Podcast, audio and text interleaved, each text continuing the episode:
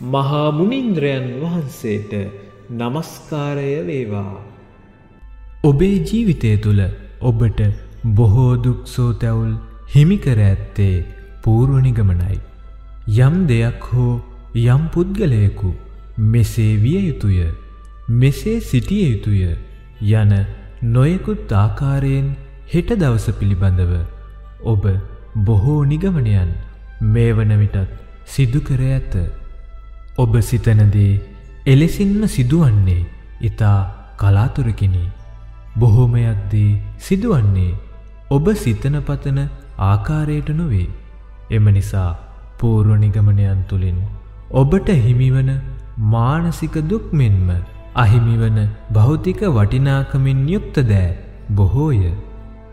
ඔබේ පූර්ව නිගමනයන් නිසාවෙන් ඔබේ මනස සීමාමායිම් තුළ සිරවී පවතිී. සිරව පවතින මනසට ධර්මය නොඇටෙහේ. එදිනදා ජීවිතය තුළ වැඩකටයුතු සිදු කිරීමට ඔබ විසින් සිරකරගත් මනස බාධාවක්ය.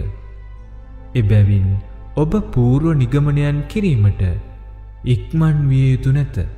පූර්ව නිගමනයන් නොමැති සිත අසීමාන්තික නිදහසක් සොයා පියමන් කරයි. එම සිත අනාගත බලාපොරොත්තු අතීත මතක අතහැර වර්තමානය තුළ පවතිී. එම උතුම් සිත ධර්මාවබෝධයට සුදුසුය. කෙලෙස් බරිත මිනිස් සිත නිර්වාණය දක්වාගෙන යන මෙම උතුම් දේශනා මාලාව අසන ඔබටද මුනිවරයාණන් වහන්සේ පිළිබඳව පූර්ව නිගමනයන් තිබෙන්නට ඇත. තවමත් තිබෙනවා වන්නටද පුළුවනි. සත්‍යයේ කාහලනාදය පැතිර වූ නිසාවෙන් තම ලාභසත්කාර අහිමිවේ යැයි බිය වූ පිරිස් විසින් උන්වහන්සේට පුවත්පත් සඟරා හා අන්තර්ජාලය හරහා විශාල බොරු චෝදනාවන් එල්ල කෙරිණි. ඡායාරූප සහිතව විවිධ චෝදනාවන් රැසක් උන්වහන්සේ අරඹයා ඇතිවිය. ඒවා සියල්ලටම උන්වහන්සේ නොබියව මුහුණ දුන්නෝය. පිළිතුරු දියයුතු දේට සුදුසු කල පිළිතුරු දුන්නෝය. එම අභූත චෝදනා තවමත් ඔබේ සිත තුළ පූර්වනිගමනයන් රාශියක් සාදා තිබෙන්නට පුළුවනි. එම නිගමනයන් ඉවත් කොට සිත අවදි කිරීමට මෙම සදහම් දෙසුම හේතුවේවා. ස්වාමීන් වහන්ස පින්වත්නි. අදත් අපි සූදානම් වන්නේ වෙනද වගේම බුදුරජාණන් වහන්සේ දේශනා කරපු ඒ පණිවිඩය පිළිබඳව තේරුම් ගන්න. අවබෝධ කරගන්න. දැනුමේ සීමාවෙන් ඔබට ගොස් දැනුමෙන් නොනවති අවබෝධයේ සීමාවට සම්ප්‍රාප්ත වෙන්න. මේ හැම කෙනෙක්ම මේ සවන් දෙන බොහෝ දෙනෙක් දැනුමේ සීමාවන් තරණය කරලා ඉවරයි. ඒත් විමුක්තිය උදා නොවෙච්ච නිසා අවබෝධයේ සීමාව සොයනවා. ඒ අවබෝධයේ සීමාව තමයි ඔබ වෙනස් කරන්නේ. තවමත් මානසික වශයෙන් විවිධ පටු සීමාවල් වලට හිර වෙලා ජීවිතයේ හුඟක් දේවල් ඇත්තයි කියලා හිතාගෙන ඔබ මේ සංසාර ගමන තුර හිර වී සිටින බව කල්පනා කරන්න. සමහර දේවල් ජීවිතයේ අපි හිතනවා ඒ විදිහට වෙන්න ඕනේ කියලා. ඔබත් එහෙමයි. ඒක හරිද වැරදිද? ඈ අපි සමහර දේවල් හිතනවා ඒක අපි හිතන විදිහට වෙන්න ඕන. ඔබ සිතනවා මා මෙතන සිටිය යුතුයි කියලා. හරිද වැරදිද? ඈ? ඒක හරිද වැරදිද? වැරදි. එවන්නක් නැත. මා ඔතන සිටියත් මෙතන සිටියත් ඒ දෙකේම විශේෂතාවයක් නැත. මං කියන දේ පැහැදිලිද? එහෙනම් මේක මොකද්ද මේ ඇතුලේ තියාගෙන ඉන්න? සීමාවක්. තේරුණාද කියන එක? මුලින්ම අවබෝධය සඳහා මේ සීමාව අයින් කළා දාන්න. මං කතාවක් කියන්නම්. සෙන් කතාවක්. එක ගෙදරක හිටියා පුතෙකුයි තාත්තා කෙනෙකුයි.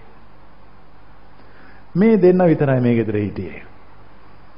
මේ තාත්තා හැමදාම මේ පුතා ගෙදර නවත්තලා රස්සාවට යනවා.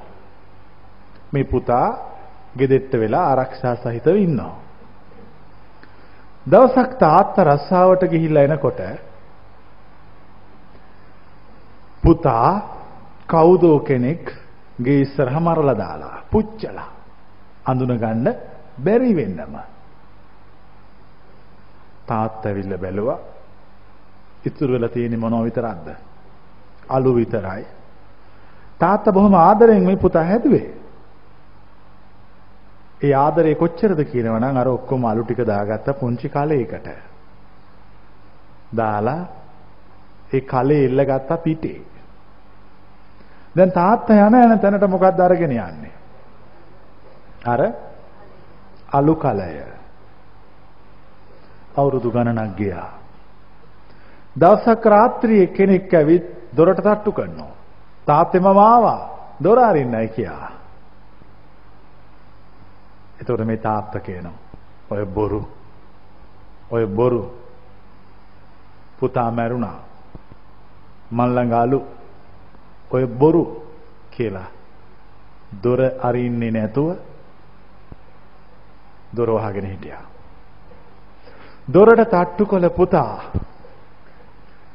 තාත්තගේ සෙනෙහස අහිමි වෙච්ච නිසා නැවත යන්න ගියා. දැන් මම ඔබෙන් ප්‍රශ්නයක් අහනවා. කවුද හරි කවුද වැරදි? වෙලා තියෙන ඇත්ත කතන්දරේ කවුද හොරෙක් ඇවිල්ලා මැරිච්ච ළමයෙකුගේ මරණයක් ගෙනල්ලා දාලා මේ ළමයා අරගෙන පැනලා ගිහිල්ලා. කලක් ගියහම මේ ළමයා ඒ හිටපු තැනින් පැනලා නැවතාවා තාත්තා සොයාගෙන. හැබැයි තාත්තා పూర్ව නිගමනයක් කරලා ඉවරයි. මොකද పూర్ව නිගමනය? පුතා මැරිච්ච බව. දැන් බලන්න ඔබත් ඔබේ ජීවිතයේ සමහර දේවල් වලට කලින්ම මොකද කරන්නේ? එක එක పూర్ව නිගමන හදාගෙන ඉන්නවා. ඒ పూర్ව නිගමන හදාගෙන ඉන්න තාක්කල් සත්‍ය ඔබට තේරෙන්නේ නැහැ. සත්‍ය ඔබට වැටහෙන්නේ නැහැ. දැන් ඉස්සෙල්ලම කරන්න ඕනේ මොකද්ද? ඈ? పూర్ව නිගමන ඉවත් කරන්න. කිසිම పూర్ව නිගමනයක් ධර්මයේ පිළිබඳව කරන්න යන්න එපා. పూర్ව නිගමනයක් කළොත් ඔබ සත්‍යයෙන් දුරස් වෙනවද සත්‍යයට ලං වෙනවද? ගාක් දුරස් වෙනවා. දැන් පැහැදිලි නේද? මිනිස්සෙක් හැමදාම පන්සලට රතු ඇඳගෙන එනවා. පන්සලේ හාමුදුරු හිතුවා මේ මිනිස්සයා අයිති මොකක් හරි දේශපාලන පක්ෂයකටයි. ඒකයි මේ හැමදාම රතු පාට ඇඳගෙන එන්නේ කියලා. දවසක් මේ හාමුදුරු මේ මිනිස්සට කතා කරලා ඇහුවා. මේ තමුසේ මේ දේශපාලන පක්ෂයකට සම්බන්ධ කෙනෙක්ද මේ හැමදාම රතු ඇඳ නෑ හාමුදුරනේ gedara දේවාලයක් tie කිව්වා. බලන්න කල්පනා කළා. කිසිම දෙයක් පිළිබඳ හදිස්සි වෙලා පූර්ව නිගමන වලට එළඹෙන්න යන්න එපා. ජීවිතයේ යම් යම් අවස්ථාවල හදිස්සි වෙලා පූර්ව නිගමන වලට එළඹිලා වැරදුන් නැද්ද? ආ ජීවිතය පටලවා ගත්තේ නැද්ද? ජීවිතය අවුල් කරගත්තේ නැද්ද? දැන් එහෙනම් අපි ඉස්සෙල්ලම කරන්න ඕනේ සත්‍ය අවබෝධ කරන්න අවශ්‍ය කෙනා කිසිවක් පිළිබඳ పూర్ව නිගමන වලට නොයා යුතුයි. දැන් එතකොට කාටවත් పూర్ව නිගමන කිරීමේ කිසිම අවශ්‍යතාවයක් නැහැ. දැන් කවුරුහරි කෙනෙක් මාමේ කියන දේ සත්‍යයි කියලා పూర్ව නිගමනයක් කරගත යුතුද නැද්ද? හපෝ නැහැ. දේශනාව අහන්නත් කලින් මම කියන දේ සත්‍යයි කියලා පූර්ව නිගමනයක් කරගත්තොත් මේ ඔක්කොම විශාල අමාරුවකට ඇද වැටෙනවා. ඒ කියන්නේ මේ කාටවත් සත්‍ය තේරුම් ගන්න බැරි වෙනවා. මනස විවෘත කරගන්න. මනස අවදි කරගන්න. දේශනාවට සමන් දෙන්න. මනස අවදි කරගෙන ඔබ දේශනාවට සමන් දෙන විට සත්‍යයට ඔබ ලං වෙනවා. ඔබට සත්‍ය ලං වෙනවා. ওই දෙගොල්ලෝ දෙපැත්තටම දුරස් වෙලා ඉන්න දෙගොල්ලා දෙපැත්තට ලං වෙන්න පටන් ගන්නවා. දැන් හරිනේ? පූර්ව නිගමන කරන්න යන්න එපා. පූර්ව නිගමන කළොත් සත්‍යයේ පණිවිඩය හොයාගන්න හම්බ වෙන්නේ නැහැ. සත්‍ය ඔබෙන් දුරස් වෙනවා. මනස අවදි වෙන්න ඉඩ අරින්න.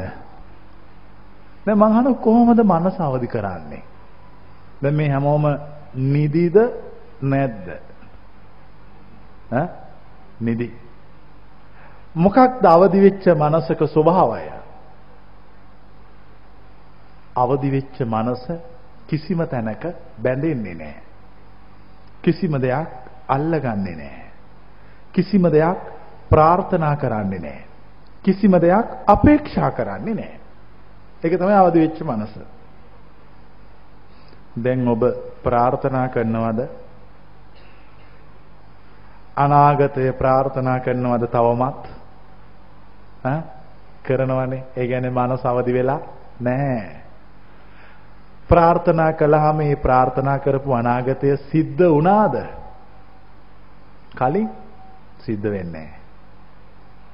සිද්ධ වෙන්නේ නැති නිසා ප්‍රාර්ථනා කිරීම අත්හැරලා දාන්න. බලන්න දැන් කොච්චර නිදහස්ද කියලා.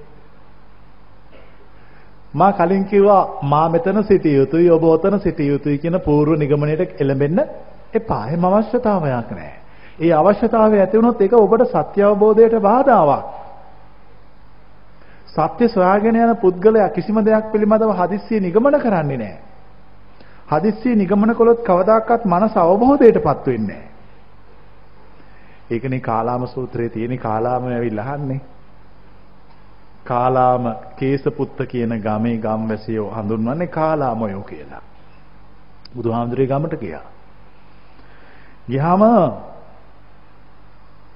එහි පිරිස උන්වහන්සේගේ දේශනාවට සමන් දෙන්න ආවා. ඇවිල්ලා එක පුද්ගලෙක් නැගිටලා කියනවා කාලාමයෝ ස්වාමීනි ඊයේත් මුනිවරයෙක් ආවා. පෙරේදාත් මුනිවරයෙක් ආවා. ඊට කලිනුත් විවිධ අය අපේ මේ ගමට එනවා. ඇවිල්ලා අපිට දේශනා කරනවා. ඒ දේශනා කළ ස්වාමිනී ඔක්කොම කියනවා ඒගොල්ලෝ කියන දේ පමණයි. සත්‍ය අනික් අය කියන දේ බොරුයි කියලා. හරි ප්‍රශ්නික ස්වාමිනී අපි දැන් අපි කොහොමද සත්‍ය හා අසත්‍ය පිළිබඳව විශ්ලේෂණය කරන්නේ? දැන් ඔබටත් මේ ප්‍රශ්නේ නැද්ද? ඈ? දැන් මේ කවුද ඇත්ත කියන්නේ? කවුද බොරු කියන්නේ? ඇත්ත හා බොරුව පිළිබඳව විශ්ලේෂණය කරන්න විදියක් අපි හදාගත යුතුයි. ඒක තමයි කලාම සූත්‍රයේදී බුදුහාමුදුරුව පැහැදිලි කරන්නේ මානුස්ස වේන ඇහූ පමණින් අනුශ්‍රවයෙන් පිළිගන්න යන්න එපා. මා પરම්පරාය પરම්පරාවෙන් ආපු පමණින් පිළිගන්න එපා. මා භබ්බ රූපතාය මෙහෙම මෙහෙම වෙන්න පුළුවන් මෙහෙම වෙන්න පුළුවන් ඒ නිසා මෙහෙමයි ආයෙනම් හරි පිළිගන්න එපා. මා තක්ක හේතු තර්කයට හරි ගියාට පිළිගන්න එපා. මා ණය හේතු න්‍යායට එකඟ වුණාට පිළිගන්න එපා. මා සමනෝ ගරූති අහවල් භික්ෂුවට තියෙන ගෞරවය නිසා පිළිගන්න යන්න එපා. විමසන්න. සොයා බලන්න. සොයා බලලා කැමතිනම් tamunට සත්‍යය කියලා හිතෙනවා නම් tamunගේ ආත්මීය විමුක්තිය සාධනය වෙන බව තේරෙනවා නම් මොකක්ද ආත්මීය විමුක්තිය සාධනය වෙන බව කියන්නේ මොකද ඒ වචනේ තේරුම ආත්මීය විමුක්තිය සාධනය වෙනවා කියලා කියන්නේ සිත තුල මෙතෙක් කලක් පැවදිච්ච කලබලකාරී නොසන්සුන් බව නිවි පහන් මේ ශාන්ත භාවයට පත් වෙනවා නම් එය සතිය කියලා පිළිගන්න. නැත්තම් ප්‍රතික්ෂේප කරන්න. ඔබ තුල මෙතෙක් කලක් පැවතිච්ච රාගය, ద్వේෂය, මෝහය දේශනාවට සවන් දුන්නාම නැවත ඇති නොවන ලෙස ප්‍රහීන වී යනවා නම් නැති වී යනවා නම් එය සත්‍යයි කියලා පිළිගන්න. නැත්තම් පිළිගන්න යන්න එපා. දහම ගැඹුරුයි. දැන් බලන්න කාලාම සූත්‍රය කියවලා. කාලාම සූත්‍රයේ තියෙන අපි කවුරුවත් කිව්වට කලබල වෙලා පිළිගන්න යන්නේ නැහැ. දැන් මේ දේශනාව මම කියනවා මනස අවදි කරගන්න කියලා. හැබැයි මම කිව්වට හදිස් වෙන්න ඕන නෑ ඉස්සෙල්ලා බලන්න ඒ යා කිව්වට මම අවදි වෙලා ඉන්න කෙනෙක්ද? නැත්තම් මම අවදි නොවෙච්ච කෙනෙක්ද? තවමත් මානසික වශයෙන් යම් යම් සීමා රාමු තුරට මං හිර වෙලා ඉන්නවද? ඔබ හිර වෙලා ඉන්නවද? ඉන්නවද නැද්ද? මනසේ යම් යම් රාමු සීමා දාගෙන ඒවා වෙන්න ඕන කියලා හිතන සමහර ඒවා සමහර ඒවා නොවෙන්න ඕන කියලා හිතනවා. හැබැයි වෙන්නේ වෙන්න ඕන දේ. වෙන්න ඕන දේවත් නොවෙන්න ඕන දේවත් නොව සිදුවන්නේ සිදුවිය යුත්තයි. ඒක පිළිගන්න ලෑස්තිද නැද්ද? ඒක පිළිගන්න. එතකොට වීම පිළිබඳවත් නොවීම පිළිබඳවත් ප්‍රශ්නයක් නැහැ. ඒක තමයි අවබෝධය.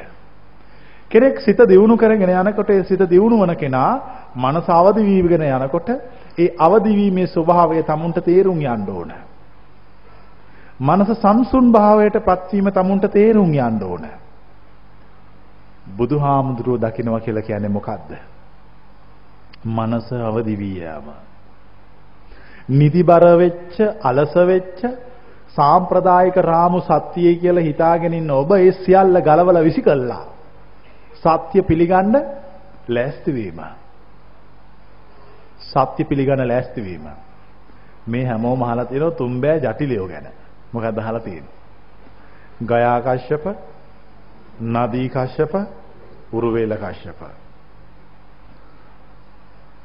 මේ තුන් දෙනාට විශාල පිරිසකුත් හිටියා. මේගොල්ලෝ කොණ්ඩේ වවනෝ. වවලා රවුම් කර කර බඳිනෝ. බැඳලා බැඳලා බැඳලා උඩටම බඳිනවා. කොච්චර කොණ්ඩේ වවලා බැඳලාද කියනවනම් කොණ්ඩේ කපන්න බෑ කොණ්ඩේ කැපුවොත් ලී එනවා. කාලයක් මේගොල්ලෝ සීල රැක්කා. බුදුහාමුදුරුවෝ ගියා මේගොල්ලෝ ඉන්න තැනට. බුදුහාමුදුරුවන්ට තේරුණා මේගොල්ලෝ මේ නොවන දේවල් වෙනවයි කියලා හිතාගෙන විඳවනවා. මේගොල්ලෝ විමුක්තිය සොයනවා. හැබැයි මේගොල්ලෝ ඉන්න සීමාව තුළ මේගොල්ලන්ට විමුක්තිය දකින්න ලැබෙන්නේ නැහැ. විමුක්තිය තියෙන එහා. දැන් මම මේගොල්ලන්ට විමුක්තිය කියා දෙන්න ඕන. විමුක්තිය කියා නොදී ගියොත් පව් අපරාධයක්. විවිධ ප්‍රාතිහාර්ය පෑව. දවසක් මේ අයට නාන්න ඕන වුණා. බුදුහාමුදුර එක සැරේටම පොකුණක් මැව්වා. දැන් වතුර තියෙනවා. ඊට පස්සේ පොකුණට බහින පඩි පෙලක් මැව්වා. අල්ලගෙන බහින අත්තක් මැව්වා. රෙදි අපුල්ලන ගලක් මැව්වා.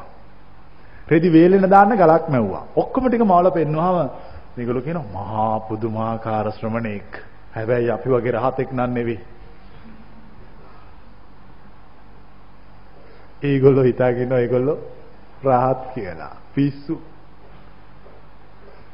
උන්වහන්සේ කලබල වුණේ නැහැ. විවිධ ප්‍රාතිහාර්ය පෑවා. දවසක් කල්පනා කළා මේ එක්කෙනෙක් මේ මුන්නාසේ දාන්න ඕන ගිනිහල් ගෙට. ඒකේ ඉන්න නපුරු නාගයෙක්. බලමුකෝ මෙයා නාගයාත් එක්ක හැප්පෙන විදිය. උන්වහන්සේ අර නාගයා හිටපු කුටියට උන්වහන්සේට යන්න කිව්වා. උන්වහන්සේ ගියා. රාත්‍රියේ නාගයා නැගිටලා ආවා. ඇවිල්ලා උන්වහන්සේට පිම්බා. පිම්බා උන්වහන්සේ නාගයා ඇල්ලුවා. අල්ලලා දැම්ම පාත්‍රය ඇතුළට. දාලා රෝල් කළා. රෝල් කළා වහලා තියලා උන්වහන්සේ සැතපීලා උදේ නැගිටලා පාත්‍රිත් අරගෙන ගිහිල්ලා මෙන්න ණය. එතකොට තුන් දෙනා කියනවා මහා පුදුමාකාර ශ්‍රමණේක් හැබැයි මම අපි වගේ රහතෙක් නන් නෙවෙයි. බලන්න තියෙන දෘෂ්ටිය අර අර කලින් పూర్ව නිගමනයකට එළඹිලා දැන් ඔබ ඔබේ ජීවිතේ කොච්චර දේවල් ඔය විදිහට పూర్ව නිගමනවලට එළඹිලා නැද්ද? තියෙනවද නැද්ද? දැන් ඒ සියල්ල ඉවත් කරන්න. ඒ සියල්ල නිදහස් වෙන්න. සියලු පූර්ව නිගමන වලින් නිදහස් වුණාම මනස අලුත්ද පරණද? අලුත්ම නැවුම් සිතක් ඔබට උරුම වෙනවා. දැන් සිත නැවුම් නැත්තේ ඇයි? පූර්ව නිගමන දාලා දාලා දාලා දාලා ඔළුව තනලා තියෙන්නේ. සියලු පූර්ව නිගමන ඉවත් කරන්න. සත්‍ය අවබෝධයට ඔබ ලෑස්ති නම් සත්‍ය අවබෝධයට ලෑස්ති වෙන ඔබ పూర్ව නිගමනයන් සියල්ල ඉවත් කළා දාලා මනස විවේකයටපත් කරගන්න. එතකොට ඔබට සත්‍යයේ පණිවිඩය අහන්න හම්බ වෙනවා. එතකම් ඔබට සත්‍යයේ පණිවිඩය අහන්න හම්බ වෙන්නේ නැහැ. තව දවසක් ලොකු ගම් වතුරක්. ජටිලේ ඔක්කොම ඔරු පැදගෙන එනවා ගම් වතුරේ. ඒතකොට කිව්වා මේ අර ලස්සන ශ්‍රමණයා අපරාධි ගම් වතුරට අහුවෙලා මැරෙත් දන්නේත් නැහැ. අපි ගිහිල්ලා බේරගෙනමු පවුනේ. ගිහිල්ලා දැන් මෙයා යනවා මේගොල්ලෝ යනවා කවුරු සොයාගෙනද? උන්වහන්සේ හොයාගෙන. උන්වහන්සේ සියලු ගම් වතුර ඉවත් කළා පොළවේ ඉන්නවා. දැන් වටේ ගම් වතුර මැද ඉන්න. දැන් මේගොල්ලෝ ඔරුවෙන් ඇවිල්ලා බලලා කියනවා පුදුමාකාර ශ්‍රමණෙක්. පුදුමාකාර ශ්‍රමණෙක්. හැබැයි අපි වගේ රහතෙක් නන් නෙවෙයි. ওই විදියට විවිධ ප්‍රාතිහාර පෑවා. බුදුහාමරණ තේරුණා මේගොල්ලෝ සත්‍යයට ගේන්න බෑ. සත්‍යයේ පණවිඩය මේගොල්ලෝ පූර්ව නිගමනය නිසා මොකද්ද කරගෙන ඉන්නේ? ඔයත්තන්ටම වෙච්ච වැඩේමයි. පූර්ව නිගමනයන්ට එළඹෙලා සත්‍යයේ පණවිඩය අහන්න හිත ලෑස්ති නෑ. ගත ලෑස්ති වුණාට. බුදුහාමුදුරෝ ඔමම කළා. ආහිත් ඔහම ප්‍රාතිහාර ගණනාවක් කළාම කිව්වා පුදුමාකාර දේවල් කරන්න පුළුවන් කෙනෙක් අපි අපි වගේ රහතෙක් නන් නෙවෙයි කියලා. ආයි කිව්වා. කියනකොට කිව්වා බලා රහත් වෙන්න තියා. උඹලා රහත් වෙන පාරවත් දන්නේ නැහැ. අන්න එතකොටයි කිව්වේ. කම්පණය කළා. උඹලා රහත් වෙන්න තියා. උඹලා රහත් වෙන පාරවත් දන්නේ නැහැ. එතකොට උන්වහන්සේ ගැන මේ වෙනවටත් ඔවුන් තුල භක්තියක් විශ්වාසයක් ගොඩනැගිලා අවසానයි. කුමකින්ද? අර යම් සිදු කරපු යම් යම් ඊර්දි ප්‍රාතිහාරයන්ගේ එතකොට ඒගොල්ලෝගේ මනස ඒගොල්ලන්ට කිව්වා දැන් මෙයා කියනෝනේ උඹලා රහතෙක් නෙමෙයි කියලා. එහෙනම් දැන් අපි මෙයාගෙන් අහන්න ඕන මොකක් ගැනද? මෙයාගේ රහත් බව ගැන. දැන් මේ කාගේ රහත් බවද සොයන්න ලෑස්ති උනේ? බුදුන් වහන්සේගේ රහත් බව ගැන ඔවුන්ට දැනගන්න ඕන වුණා. අවසානයේ ඔවුන් හැමදෙනාම රහත් වුණා. දැන් පැහැදිලිද මේ කියන එක? ජීවිතේ කිසිම දෙයකට පූර්ව නිගමන කරන්න යන්න එපා. මෙහෙම වේවි. මෙහෙම දැන් අර අර තාත්තට වෙච්ච වැඩේ මතකනේ අපරාධනේ අර ළමයා එලෙව්වනේ. අච්චර අමාරුවෙන් හොරුන්ගෙන් බේරිලා ආපු ළමයා අර තාත්තා එලෙව්වා. මොකද තාත්තා පූර්ව නිගමනයකට එළඹිලා අවසන් වෙලා තිබුණා. මොකද්ද පූර්ව නිගමනයේ පුතා මිය ගිය බව. ඔබ ඔබේ ජීවිතේ කොච්චර දේවල් වලට පූර්ව නිගමන දාගන්නවද? අපි අපේ ජීවිතේ කොච්චර සාරවත් දේවල් අහිමි කරගන්නවද? පූර්ව නිගමන නිසා. අපි නිස්සාර දේවල් අල්ල ගන්නවද? පූර්ව නිගමන නිසා. කිසිම දෙයකට පූර්ව නිගමන දෙන්න යන්න එපා. යමකට පූර්ව නිගමනයක් දෙන්න ගියොත් කලින්ම පාර හරිද වැරදිද? ඈ? පාර වැරදි. සත්‍ය අවබෝධය කරන්න ලෑස්ති වෙච්ච කෙනා මනස සම්පූර්ණයෙන්ම වියුක්ත වෙච්ච, නිදහස් වෙච්ච, කිසිම බැඳීමක් සීමාවක් නැති මනසක අයිතිකාරයෙක් වෙන්න ඕන.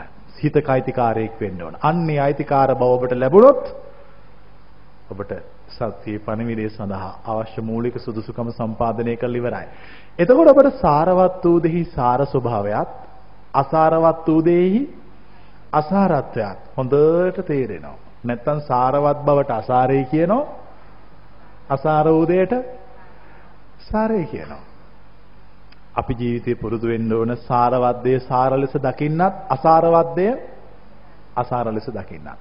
උපතිස්ස කෝලිත නැත්නම් සරියුත් මුගලන් දෙදෙනා වහන්සේලා අස්සජි මහරහතුන් වහන්සේගෙන් බණ ඇහුවා. මොනවද දේශනා කළේ? ඈ හේතුව හා ඵලය ගැන. සාපේක්ෂතාවය.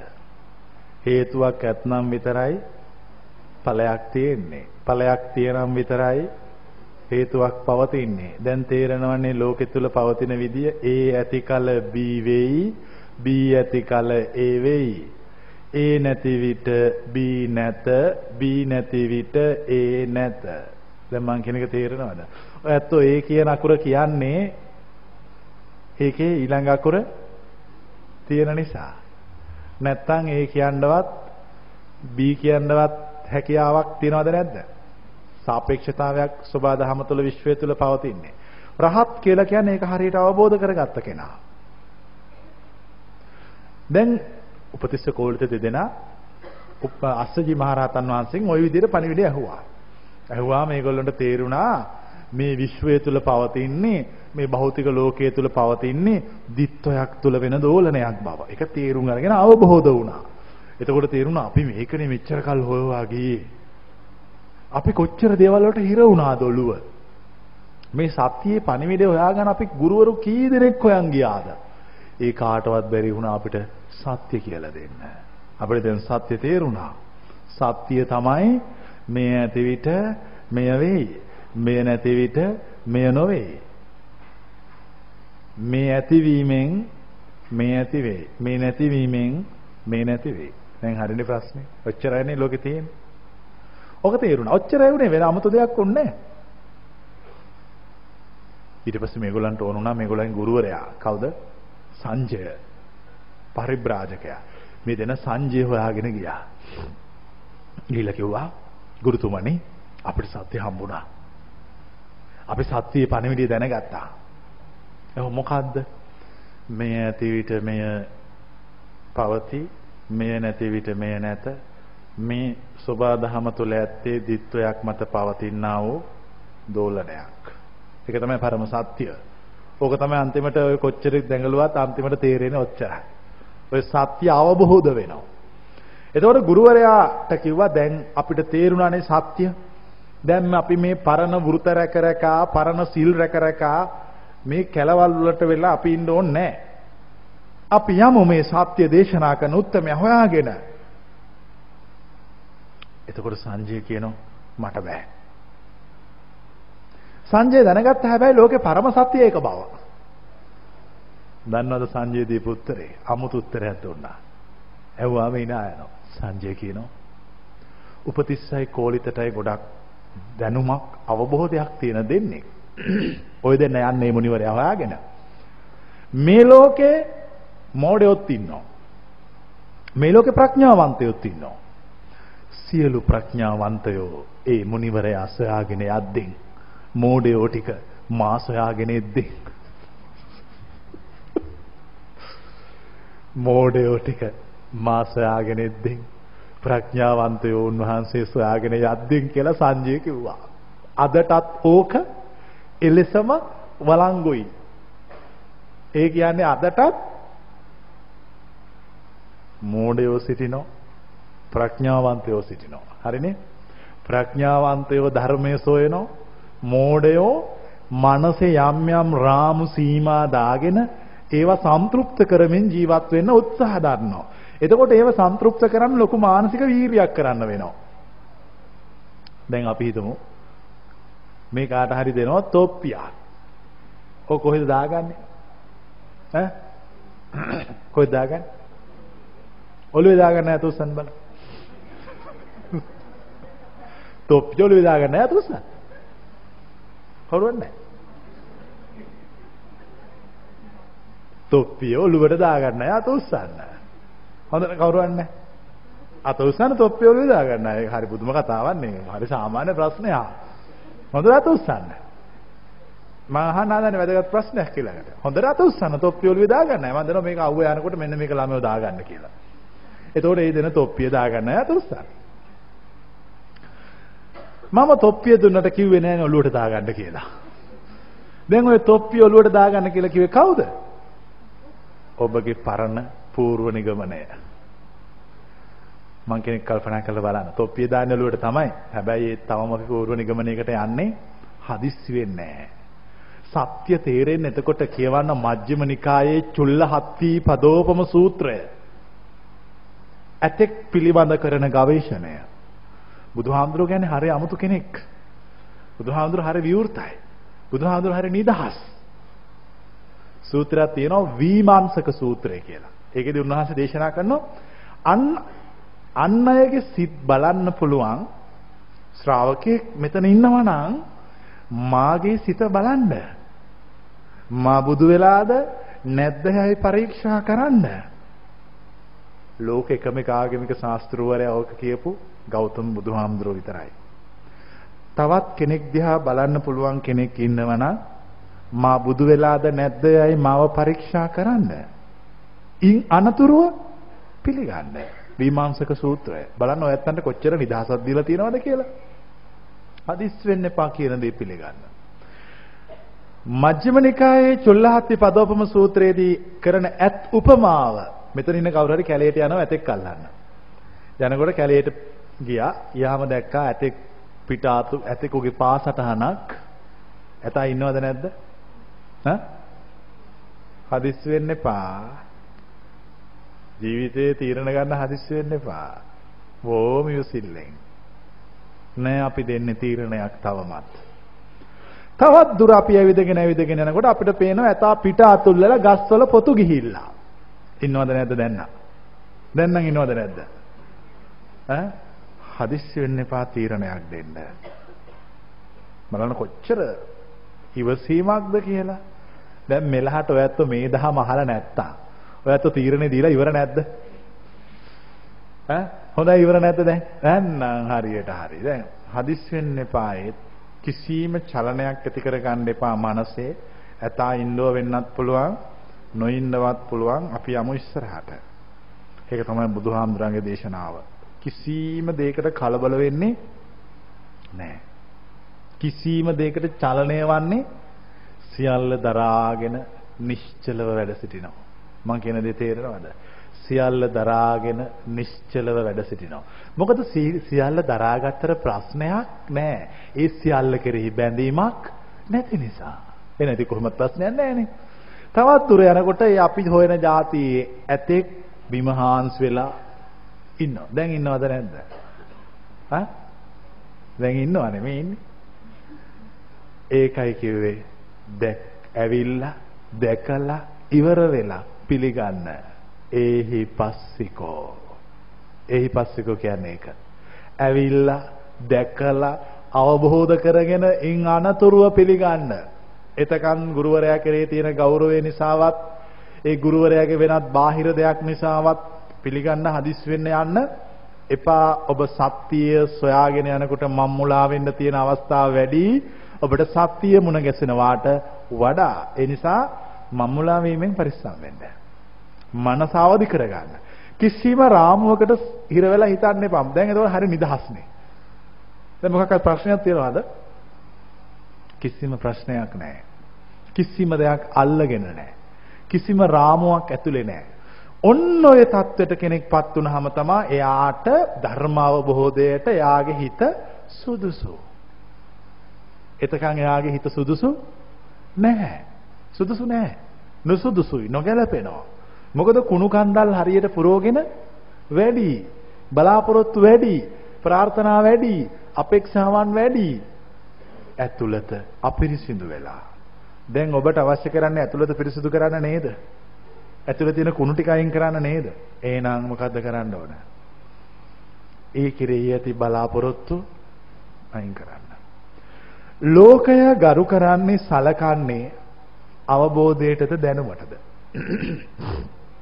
ඈ? අවබෝධයට. දැනුමට සලකන්නේ දැනුමට සලකමින් හිටියේ අවබෝධයට පත්වෙන අය නැති තාක්කල් විතරයි. තේරුණාද? ඊට පස්සේ අවබෝධය එනකොට දැනුම අපිට රහසේ පලා ගිහිල්ලා හැංගෙනවා. මොකද අවබෝධයට මුහුණ දෙන්න තියෙන බිය නිසා බුද්ධ කාලේ හිටිය හාමුදුරුවෝ දෙනම වනාන්තරයක ජීවත් වුණේ ඉතින් උන්වහන්සේගෙන් එක හාමුදුරු කෙනෙක් හුඟක් හිත දියුණු කළා ප්‍රහත් බවට පත් වෙච්ච කෙනෙක්. උන්වහන්සේ බණ කියලා ඉවරුනාම ධර්මදේශනාව නැවැත්තුවාම සාදුනාදයක් ඇහෙනවා. උන්වහන්සේ බලුවක් මේ කැලේ කවුද මම් බණ කියනකොට සාදු කියන්නේ කියලා. හැබැයි පේන කෙනෙක් නෑ. මේක කලක් සිද්ධ වෙනවා. දේශනාව අවසන් වුණාම සාදුනාදයක් ඇහෙනවා. දවසක් මේ ගමට ආවා හොඳ දක්ෂ ධර්මදේශකයෙක් මහා උගතෙක් එතකොට මේ රහතන් වහන්සේට හිතුණා මුන්නාන්සට කියලා කියවලා බලන්න ඕන අර සාදුකාරය ඇහෙනවද කියලා. එතකොට මේ රහතන් වහන්සේ කිව්වා මේ මම හැමදාම බණ කියලා ඉවරුනහම සාදුනාදයක් ඇහෙනවා. මට හිතා ගන්න බෑ මේක මගේ මොකක් හරි සිද්ධියක් නිසාද මොකද්ද කියලා. අද ඔබ වහන්සේ බණ කියන්න කියලා කිව්වා. එතකොට කිව්වා මේ හාමුදුරුවෝ මං කාටද බණ කියන්නේ? කවුරුවත් නැහැනේ. නෑ කමක් නෑ කියන්න කිව්වා. එදා ඒ හාමුදුරුවෝ බණ කිව්වා. හැබැයි සාදුනාදේ ඇහුන්නේ නෑ. එතකොට ඒ හාමුදුරුවෝ මොන බොරුවක්ද?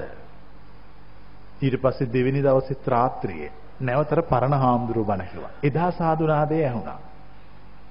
මේ කතාව ටිකක් දුර දිග ගිහිලා බුදුහාමුදුරුවෝ ළඟට ගියා.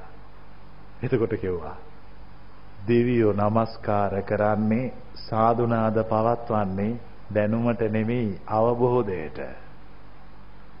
ඒ ඒ පළවෙනි භික්ෂුව අවබෝධයෙන් දේශනා කළා. ඒ නිසා සාදුනාදය ඇසුණා. දෙවෙනි භික්ෂුව දැනුමක් ප්‍රකාශ කළා. ඒ නිසා සාදුනාදය ඇසුනේ නැහැ. ඔබ දැන් කළ යුතු එකම දෙය ඔබ තුල ඇති දැනුම අවබෝධයක් බවට පත් කර ගැනීමයි. නැත්නම් බුදුහාමුදුරෝ දේශනා කරන උපමාවක් තියෙනවා. ණයට හරක් බලා ගන්න මිනිහා. මොකක්ද ඒකේ තේරුම? ණයට හරක් බලා ගන්න. මිනිහෙකුට හරක් පට්ටියක් ණයට දෙනවා. ඒ මිනිහා ඒ හරක් පට්ටිය බලා ගන්නවා. කිරි දොවන්නේ කවුද? අයිතිකාරයාද බලා ගන්න මිනිහාද? ආ? කිරි දොවන්නේ බලා ගන්න මිනිහා. ඒවා උණු කොල්ලා එළඟි තෙල් හදන්නේ කවුද? බලා ගන්න මිනිහා. දී කිරි හදන්නේ කවුද? බලා ගන්න මිනිහා. ඒවයින් බටර් හදන්නේ කවුද? බලා කන්නේ කවුද ওই ටික? ඈ? අයිතිකාරයා. කිරිවල රස දන්නේ ඇත්තටම හරක් බලා ගන්න මිනිහද? හරක් අයිතිකාරයාද? ඇයි හරක් අයිතිකාරයා කිරිවල රස දන්නේ? කිරි කාලා බලන නිසා. බුදුහාමුදුරුවෝ උපමාව කියලා කියනවා ඕගොල්ලොත් ණයට හරක් බලා ගන්න ලෑස්ති වෙන්න එපා. ඕගොල්ලෝ අවබෝධයටපත් වෙන්න. ධර්මය ඔබට සත්‍යයි කියලා අවබෝධ වුණාම තමයි ඒකේ රසය ඔබට දැනෙන්නේ. නැතුව ධර්මය කරේ තියන් ගියාට පුස්තක කළාට දේශනා කළාට ඔබට රසය දැනෙන්නේ නැහැ. හරිනේ? ත්‍රිපිටකයේ ඔක්කොම පොත් ටික පෙට්ටියක් බැඳලා කරේ තියන් ගියහට ධර්ම රසය දැනෙනවා. මොන රසයද? තවත් බරක් විතරයි. ඒක රසයක් බවට පත් වෙන්නේ ඒ කියන කාරණය ප්‍රායෝගික ජීවිතය තුළ අත්විඳලා අත්දැකලා අවබෝධ වෙලා අවසන් වුණාම. එතකොට අපිට තේරෙනවා කොච්චර ශ්‍රේෂ්ඨද? නිවියාමක්ද? ශාන්තයක්ද? සහනයක්ද? අවබෝධය කියන්නේ. අවබෝධයටපත් වුණාම මනසේ කිසිම ප්‍රශ්නයක් නැහැ. ඒ කියන්නේ කිසිම අල්ල ගන්න දෙයක්වත් නැහැ, අත්හරින්න දෙයක්වත් නැහැ. බැඳෙන්න තැනකුත් නැහැ, ඇලෙන්න තැනකුත් නැහැ. අත්හැරෙන්න තැනකුත් නැහැ, බැඳෙන්න තැනකුත් නැහැ. මනස හරිම නිදහස්. දැන් කල්පනා කරලා බලන්න කෙනෙකුගේ මනස නිදහස් වෙනකොට අර මනසේ තිබිච්ච රාමු බිඳි බිඳි යනකොට ඒ මනස මොකද්ද වෙන්නේ? විශ්වයට ඒ මනස පුළුල් වෙන්න පටන් ගන්නවා. මං කියන එක පැහැදිලි නේද? විශ්වයට මනස පුළුල් වෙන්න පටන් ගත්තාම එතකොට තව දුරටත් සිදුවන්නේ කොහොමද? ඒ ධර්මයේ පණිවිඩය ඒ පුළුල් වෙන මනස හරහා નિરાයාසයෙන් ගලනවා. එතකොට ඔබට දැනුමේ අවශ්‍යතාවය ඇද්ද නැද්ද? දැන් නැත. දැන් අවශ්‍යතාවයක් නැහැ. ඒ තවමත් දැනුම තියාගෙන ඉන්නවා. ඇයි ඒ? දැනුම පරම සත්‍යයි කියලා කියන අයට හිතාගෙන ඉන්න අයට උත්තර දෙනකොට දැනුම පාවිච්චි කරනවා. හරි නේද කියන එක? පාවිච්චි කරලා උත්තර දෙනවා. එතකොට දැනුම පරම සත්‍යයි කියලා හිතාගෙන ඉන්න අයට දැනුමෙන් උත්තර දෙනකොට ඒගොල්ලෝ දන්නේ නැතුව සැබෑවටම පරම සත්‍ය පිළිබඳව සාක්ෂාත් කරනවා. මං කියන දේ දැන් පැහැදිලිද? ඒ නිසා මනස අවදි කරගන්න. කිසිම රාමුවකට අහු වෙන්න එපා. හරි නිදහසේ හිතන්න. නිදහසේ කල්පනා කරන්න. විමුක්තිය කියන්නේ ඒක. ගැලවීම කියන්නේ ඒක. දැන් ඔයත් හිතනවා කාන්තාවක් හැමදාම කරන්න ඕන මොකද්ද? මොකක් කියලාද උගන්වලා තියෙන්නේ? උයන එක, පියනෝ, රෙදි හොදනෝ, වලන් හොදනෝ. තව කියන්නේ දන්නවනේ නේද? ඉතින් මම ආ දැන් ඔක හරිද වැරදිද? සම්පූර්ණ වැරදි. ඒ මොකද්ද? අපි දාගත්තු සීමාවක්. පිරිමින්ට එව්වම මොකද වෙන්නේ? කිසි ප්‍රශ්නයක් නැහැ. බලන්න කොච්චර නිදහස්ද කියලා මනස. කිසි ප්‍රශ්නයක් නැහැ. කිසිම වෙලාවක මනස එහෙම දැන් gedara සාර්ථකද නැද්ද? ඈ? හරිම සාර්ථකයි. මොකද වෙනදා උයන්නේ නෝනා. දැන් උයන්නේ මහත්තයා. මොකද ඔගේ වෙනස? කිසිම වෙනසක් නැහැ. දැන් මං කියන දේ තේරෙනවද මේ කියන්න හදන දේ? මේවා අපි ඔක්කොම ඇතුලේ තියාගෙන ඉන්න කුණු කන්දල්. එතකොට අපේ හිත එක එක තැන්වල ගිහිල්ලා පටලැවෙනවා. ඔය කුණු කන්දල් තියෙනකොට තමයි අපිට ප්‍රශ්න. රාගය, ద్వේෂය, මෝහය ඔය ඔක්කොම එන්නේ කුණුත් එක්ක. දැන් අපි හිතමු හැමදාම ගේ අතු ගාන එක්කෙනෙක් ඉන්නවා. එතකොට අපි හැමදාම හිතාගෙන ඉන්නවා එයා එතන අතු ගාලා තියේවි කියලා. ඒක අපි පූර්ව නිගමනයක් වශයෙන් දා ගන්නවා. ඊට පස්සේ එයා යම් දවසක අතු ගාලා නැහැ. දැන් මොකක්ද අපිට ඇතිවන්නේ? ද්වේෂයක්. දැන් ඉවත් කරන්න. කොච්චර නිදහස්ද? කිසිම දෙයක් පිළිබඳ පූර්ව නිගමන ඔලුවට දාගෙන තියාගන්න එපා. දැන් ඔයත්ගේ ජීවිතේ වැඩියෙන්ම තියෙන්නේ මොනවද? පූර්ව නිගමනනේ. අපිට වයසට ගියාම ළමයි සලකයි. ඔවා මොනවද ඔක්කොම? පූර්ව නිගමන. ඔවා නොවුනොත් සන්තෝෂද දුකද? දුකයි. ඇයි දුක? අර පූර්ව නිගමනය වෙන්න ඕනේ කියලා හිතාගෙන හිටියා. හැබැයි වෙන්න ඕනේ කියලා හිතාගෙන ඉන්න දේවල් ඒ විදිහටම සිද්ධ වෙන්නේ නැහැ. ඒ විදිහට මේ ස්වභාවයෙන්ම. ඒ ආකාරයෙන්ම. ඒවා වෙන්නේ ඔක්කොම වෙන්න ඕන විදිහකට. මනස අවදි කරගන්න. අවදි කරනවා කියලා කියන්නේ මනසේ තියෙන රාමු එකින් එක ගලවලා ඉවත් කරන්න. කිසිම දෙයක් පිළිබඳ රාමුවක් තියාගන්න යන්න එපා. ඒවා ඔක්කොම අපිට පුංචි කාලේ දාපුවා. නැද්ද? නැද්ද හොඳයි? හ්ම්. දැන් අපි දැක්කාම සුදු පාට අපි ඒකට කියන මොන පාට කියලාද? හ්ම්? අපි සුදු පාට දැක්කම මොන පාට කියලා කියන්නේ? සුදු පාට කියලා. කවුද ඔක කිව්වේ? අපිට පුංචි කාලේ කියලා තියෙනවා මේ සුදු පාට කියලා. මම අහන ප්‍රශ්නයක්. සුදු පාටට කළු පාට කිව්වොත් ප්‍රශ්නයක්ද? ප්‍රශ්නයක්ද නැද්ද? නෑ කිසිම ප්‍රශ්නයක්. හැබැයි අපි කියන්නේ ඇයි? එය ලෝක සම්මතය නොවන නිසා. දැන් මම අහනවා ඇත්තටම සුදු වල පාට මොකද්ද? ඈ එහෙම එකක් නැහැ. දාගත්ත රාමුවක්. දැන් සුදු කියලා එකක් තියනවද එතකොට? ඈ නැත. කළු කියලා අපිට පුංචි කාලේ ගන්නවා. මේක කළු. එතන අපි ඒකට කිව්වා කළු. දැන් බලන්න මේ අපි දාපු අමාරුව මේ එක එක ඒවා දාලා ඒවට අපි වචන හදාගෙන මේ ලෝකේ පවතින විදිහකට අපි අපිව සංවිධානය කළා. ඒක වැරදි. ඉස්සෙල්ලා මේක වැරදි කියන නිගමනයට එන්න ඕන. ඒක වැරදි කියන නිගමනයට අහම 아무තු විදිහට හිතන්න පුළුවන් වෙනවා. විශාල ගැඹුරු තර්කණයක් tamunගේ ඇතුලෙන් නිර්මාණය වෙනවා. ඒක තමයි අවබෝධයේ මුල් පියවර. තර්ක කරන්න පටන් ගන්නවා. ඇයි මේකට සුදු කියන්න ඕන මේකට කළු කිව්වහම ප්‍රශ්නයක් නෑ. ඇත්තටම ප්‍රශ්නයක් නෑනේ. වචන දෙකේ වෙනසනේ තියෙන්නේ. අපි ළමයෙකුට පුංචි කාලේ ඉඳලා සුදු පාටට කළු පාටයි කියලා උගන්වනවා. එතකොට යා සුදු පාට දැක්කහම එක සැරේටම කියන්නේ කළු පාටයි කියලා කියනවා. ඊට පස්සේ තව ළමයෙකුට උගන්වනවා සුදු පාටට සුදු පාටයි කියලා. එතකොට එයා සුදු පාට දැක්කහම ඒකට කියන සුදු පාටයි කියලා. දැන් මේ ළමුන් දෙදෙනා යම් තැනකදී හමු වෙනවා. එතකොට එක ළමයෙක් කියනවා සුදු පාට දිහා බලලා සුදු පාටයි කියලා. අනිත් ළමයා කියනවා නෑ උන් දෙන්න ගහ ගන්නවා. පිස්සු. කාටද පිස්සු? දෙන්නටම. දැන් මං කියන දේ පැහැදිලි නේද? වැඩක් නැති ඒවා අල්ලගෙන දඟලනවා. අයින් කළා දාන්න. නිදහස් වෙන්න. මනස විවෘත කරගන්න. අවදි වෙන්න. බුදුහාමුදුරුව අපිට දේශනාව කරන්නේ මනස අවදි කරගන්න.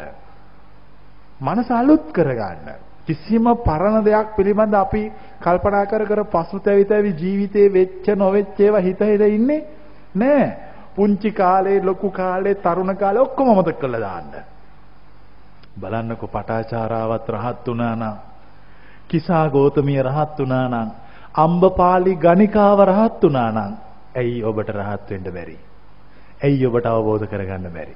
තවමත් ඔබ පරණ මතකයන් ඇතුළට දාගෙන විඳව විඳව ජීවත් වෙන්න උත්සාහ දරනවා. ඉස්සෙල්ලම සත්‍ය අවබෝධයට ලෑස්ති වෙන කෙනා පරණ මතකයන් පිළිබඳ තියෙන බැඳීම ඉවත් කළ යුතුයි. ඉවත් කළා දාන්න. දවසක් බුදුහාමුදුරුවෝ හම්බෙන්න බමුණෙක් උන්වහන්සේගෙන් අහනවා ඔබ වහන්සේගේ ශ්‍රාවකයෝ දිහා බැලුවම හරිම හරිම ලස්සනයි හරිම ප්‍රසන්නයි. මූණ හරිම පැහැපත් පියකරුයි පිරිසිදුයි. චවි වර්ණය පැහැදිලි. වැඩිය කන්නේත් නැහැ. බොහොම ස්වල්පයක් ආහාර ගන්නෙ. මට කියන්න ස්වාමීනි රහස මොකක්ද කියලා? උතර උන්වහන්සේ කියනවා මෙරිච්ච අතීතය දිහා බල බල පශ්චත්තාප වෙන්නෙත් නැහැ. අනාගතේ වේවි කියලා හිතන කිසිම දෙයක් ගැන හිතන්නෙත් නැහැ. වර්තමානයේ සිහියෙන් නුවණින් ජීවත් වෙනවා. ඒකයි මගේ ශ්‍රාවකයෝ හරිම පැහැදිලි, හරිම ප්‍රසන්න, හා හරිම ප්‍රියමනාප. දැන් ඔබටත් අවශ්‍ය නම් ප්‍රසන්න ප්‍රියමනාප ඔය කියන ටික වෙන්න මොකද්ද කරන්න තියෙන්නේ? ඈ පරණ කරපු දේවල් කරලා ප්‍රසන්න ප්‍රියමනාප වෙන්න බෑ ඒ වෙලාවට විතරයි. ඒවා අතුල්ල ගන්නකම් ගා ගන්නකම් විතරයි. ඊට පස්සේ ආයෙ පරණ ගානට එනවා. මේ බුදුහාමුදුරුවෝ කියන්නේ සදාතනික තාරුණ්‍යයක් පිළිබඳව. ඒ තමයි අවබෝධය. ඒක තමයි නිවැරදි දැක්ම. මනස හැම තිස්සෙම අලුත්. කිසිම දෙයක් පිළිබඳව පරණ නෑ. චන්දෝපම සූත්‍රය කියවන්නේ. හඳක් හැමදාම අලුත් වෙනවා. ඒ වගේ ඔබේ මනස අලුත් කරගන්න. ලෝකෙ දිහා අලුත් විදිහට බලන්න. ඔබට කවුරු හරි වෛර කළොත් පහුවෙන්ද උදේට ඒක මතක නෑ එහෙම එකක් නෑ. ඒ ඊයේ. මේ අද මොකටද ඒක තියාගන්නේ? ඔබට කවුරු හරි ආදරය කළොත් පහුවෙන්ද ඒක මතකත් නෑ හරි නිදහස් එතකොට. දැන් මං කියන දේ තේරෙනවද? කිසිම බැඳීමක්වත් කිසිම ඇලීමක්වත් කිසිම ගැටීමක්වත් ජීවිතේ ඇත්තේ නෑ. ඔන්න ඔය නිවැරදි අවබෝධයටපත් වුනාම යා සුදුසුයි අවබෝධයට. අවදි වීමට. දැන් එහෙනම් තේරුණානේ මෙච්චර කල් කොහොමද ඉඳලා තියෙන්නේ? ආ මෙච්චර කල් නිදි මෙච්චර කල් නිදි බුදුහාමුදුරෝ ධර්මයේ දේශනා කළාම ඒ ධර්මයේ දේශනා කරපු අය දේශනාවට සවන් දීලා උන්වහන්සේට ප්‍රශංසාවක් කරනවා ත්‍රිපිටකයේ හැමතැනම මේ ප්‍රශංසාව තියෙනවා. මෙන්න මෙහෙම තියෙන්නේ. අභික්ඛන්තං භෝගෝතම අභික්ඛන්තං භෝගෝතම සේයතාපි භෝගෝතම නික්කුජිතං වා උක්කුජ්ජේය පටිච්චන්නං වා විවරේය මූලස්සවා මග්ගං ආචික්කේය අන්ධකාරේ වාතේල පජ්ජෝතං ධාරේය චක්කුමන්තෝ රූපානි දක්ඛින්ති ඒව මේවා බෝතා ගෝතමේන අනේක පරියායේන ධම්මෝපකාසිතෝ. ඒසාහං භගවතං ගෝතමං සරණං ගච්ඡාමි. ධම්මංච බික්ඛු සංඝංච උපාසකම්මං භවං ගෝතමෝ ධාරේතු. අජ්ජතග්ගේ පානුපේතං සරණං ගතන්ති. සැබෑවටම තෙරුවන් සරණ යන්නේ දේශනාවට කලින්ද පස්සේද? ඔය කිව්වේ? ඈ? අභික්ඛන්තං භෝගෝතම අභික්ඛන්තං භෝගෝතම හරිමාගේ දේශනාව හරිමාගේ සේයතාපි භෝගෝතම නික්කුජ්ජිතං වා උක්කුජ්ජේය හරියට ඔබ වහන්සේගේ කතන්දර ටික අහගෙන හිටියාම යටිකුරු කරපු මා උඩුකුරු කළා වගේ වුණා. පටිච්චන්නං වා විවරෙය්‍ය වහලා තියපු මම ඇරුණා. මූලස්සවා මග්ගං ආචික්කේය. මූලස්සවා මග්ගං ආචික්කේය. පාර වැරදිලා යන මිනිහෙකුට පාර කියා දුන්නා වගේ වුණා. අන්ධකාරේ වාතේල පජ්ජෝතන් ධාරෙය්‍ය තද අන්ධකාරයක තෙල් පහනක් පත්තු කොලා වගේ වුණා. ඒව මේවා භෝතමා ඒව මේවා භෝතා ගෝතමේන අනේක පරියායේන ධම්මෝ පකාසිතෝ. මේ මේ නොඑක් නොඑක් අනේකාකාරයෙන් ඔබ වහන්සේ ධර්මයේ මට දේශනා කළා. ඒ සාහං භගවන්තං ගෝතමං සරණං ගච්ඡාමි. ඒ ගෞතමයන් වහන්සේ මම දැන් සරණ යනවා. ධම්මංච බික්ඛු සංඝංච ඒ ඔබ වහන්සේ කරපු දේශනාව මම සරණ යනවා. ඔබ වහන්සේගේ ශ්‍රාවක සංඝයා මම සරණ යනවා. අද පටන් හිතා ගන්න ඔබ වහන්සේ ඔබ වහන්සේ අනුගමනය කරන මා උපාසකයෙක්. ඕක තමයි ප්‍රතිඥාව. දැන් ඔයත් කොලේ මොකද්ද? ත්‍රිපිටකයේ හැම තැනක්ම තියෙන්නේ අන්තිමටයි තෙරුවන් සරණ ගිහිල්ලා තියෙන්නේ දේශනාව ඇහුවාම දැන් ඔයත්තන තේරෙනවනේ මේ බුදුහාමුදුරුවෝ එදා හිටපු සමාජ මිනිස්සුන්ට එදා නැහිච්ච දෙයක් කිව්වද නැද්ද? කිව්වා. මනස අවදි කළා. මනස විවෘත කළා. මනස විවෘත කළා මේ විවෘත භවයේ සන්තෝෂයේ මිනිස්සුන්ට දරා ගන්න බැරි වුණා. ඒ සන්තෝෂය දරා ගන්න බැරි වුණා. එච්චරට සන්තෝෂයක් ඇති වුණා. මොකද අර රාම වලට සීමා වලට හිර වෙලා හිටපු මිනිස්සු නිකන් අවුරුදු 100ක් 200ක් 1000ක් හිරගයක් ඇතුලේ හිර වෙලෙච්ච මිනිහෙක් හිරගේ කඩලා එළියට දැම්මා මේ මිනිහට මොන තරම් සන්තෝෂයක්ද? ඊටත් වඩා සන්තෝෂයක් ඔබට ධර්ම අවබෝධය වුණාම ඇති වෙනවා. ඒ කියන්නේ ඔබට තේරෙනවා කොච්චර දේවල් තේරුමක් නැතුව පස්සේ දෙව්වද? කිසිම තේරුමක් නැහැ දෙවිල්ල. අන්තිමට ඉතුරු වෙලා පවතින්නේ විඩාවක් විතරයි. දැන් අවශ්‍ය කරන්නේ විඩාව ඉවත් කරන්න. එහෙනම් දැන් මොකද්ද කරන්න ඕන? දිවීම නවත්තන්න. අඟුලිමාලට කළේ දේශනාව ඔච්චරයි. විඩාව ඉවත් කරන්න නම් දිවීම නවත් කර නවත්තන්න. මා දුවන එක නවත්වා විඩාව සංසිඳවා ගතිමි. උඹ දුවන එක නවත්තන්න ඕනේ විඩාව සංසිඳවා ගන්න ඕනේ නම් ඔබටත් කියන්න තියෙන එච්චරමයි. ඒ නිවැරදි දැක්මට නිවැරදි අවබෝධයට ආවම ජීවිතය හරි අලුත් හරිම සුන්දරයි. හරිම නැවුම්. හරිම ආස්වාද ජනකයි. මං කියන වචන තේරෙනවද? ආස්වාද ජනකයි. එතකොට අපි කලින් ආස්වාද ජනකයි කියේ මොකද්ද? කවුරු හරි බත් ටිකක් දුන්නා නම් ආස්වාද ඒක කැලේ එතකොට. එතකොට තේරෙනවා නියම අවබෝධයටපත් වුනහම ජීවිතය ආස්වාද ජනකයි. විඳින්න දෙයක්වත් නැහැ. විඳවන්න දෙයක්වත් නැහැ. පුදුමාකාර සංහිඳියාවක් සන්තෝෂයක් ඇතුලේ තියෙනවා. හැබැයි ඒ වචනෙට සන්තෝෂ කියන වචනේ යොදන්න බෑ. ඒක 아무තු එකක්. ඒක වචන වලින් කියාගන්න බැරි ආධ්‍යාත්මය තුල පවතිනා වූ ගැඹුරු සන්තෝෂයක්. ඒ ගැඹුරු සන්තෝෂයට ආවහම ඔබේ ශරීරය වෙනස් වී යනවා. ඔබේ මුහුණ වෙනස් වී යනවා. ඔබේ ආකල්ප වෙනස් වී යනවා. ඔබේ පෞරුෂය වෙනස් වී යනවා. සියල්ල වෙනස් බවට පත් වෙලා ඔබ අවදි වෙච්ච මිනිහෙකුගේ තත්වයටපත් වෙනවා. දැන් ඔබටත් අවදි වෙන්න පුළුවන්. ඒ කියන්නේ මෙච්චර කල් ඉඳලා තියෙන්නේ නිදාගෙන. දැන් අවදි වෙන්න ලෑස්ති වෙන්න. අවදි වෙන්න ලෑස්ති වෙන්න මා ඔබට ආරාධනා කරන්නේ අවදි වීම ගැන දන්නා නිසාය.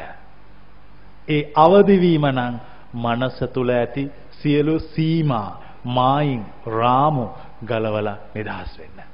ඒ නිදහස් වීම තුළ ඔබට පරම සත්‍යයේ පණිවිඩය සාක්ෂාත් වීම සඳහා අවශ්‍ය මූලික වටපිටාව ඔබේ ඇතුළාන්තයෙන්ම අවදි වෙලා නැගිටින්න සූදානම් වෙනවා. අවදි වෙනවා නැගිටිනවා එතකොට ඔබට සත්‍යයේ පණිවිඩය හුඟක් දුර නෙමෙයි. තමුන් ආසන්නයේම පවතින බව අවබෝධ වෙනවා. ඒ අවබෝධය සඳහා මනස අවදි වීම සඳහා ඔබ හැම දිනාටම ශක්තිය වාසනාව ලැබේවා යන අද දවසේ අපේ ප්‍රාර්ථනාවයි.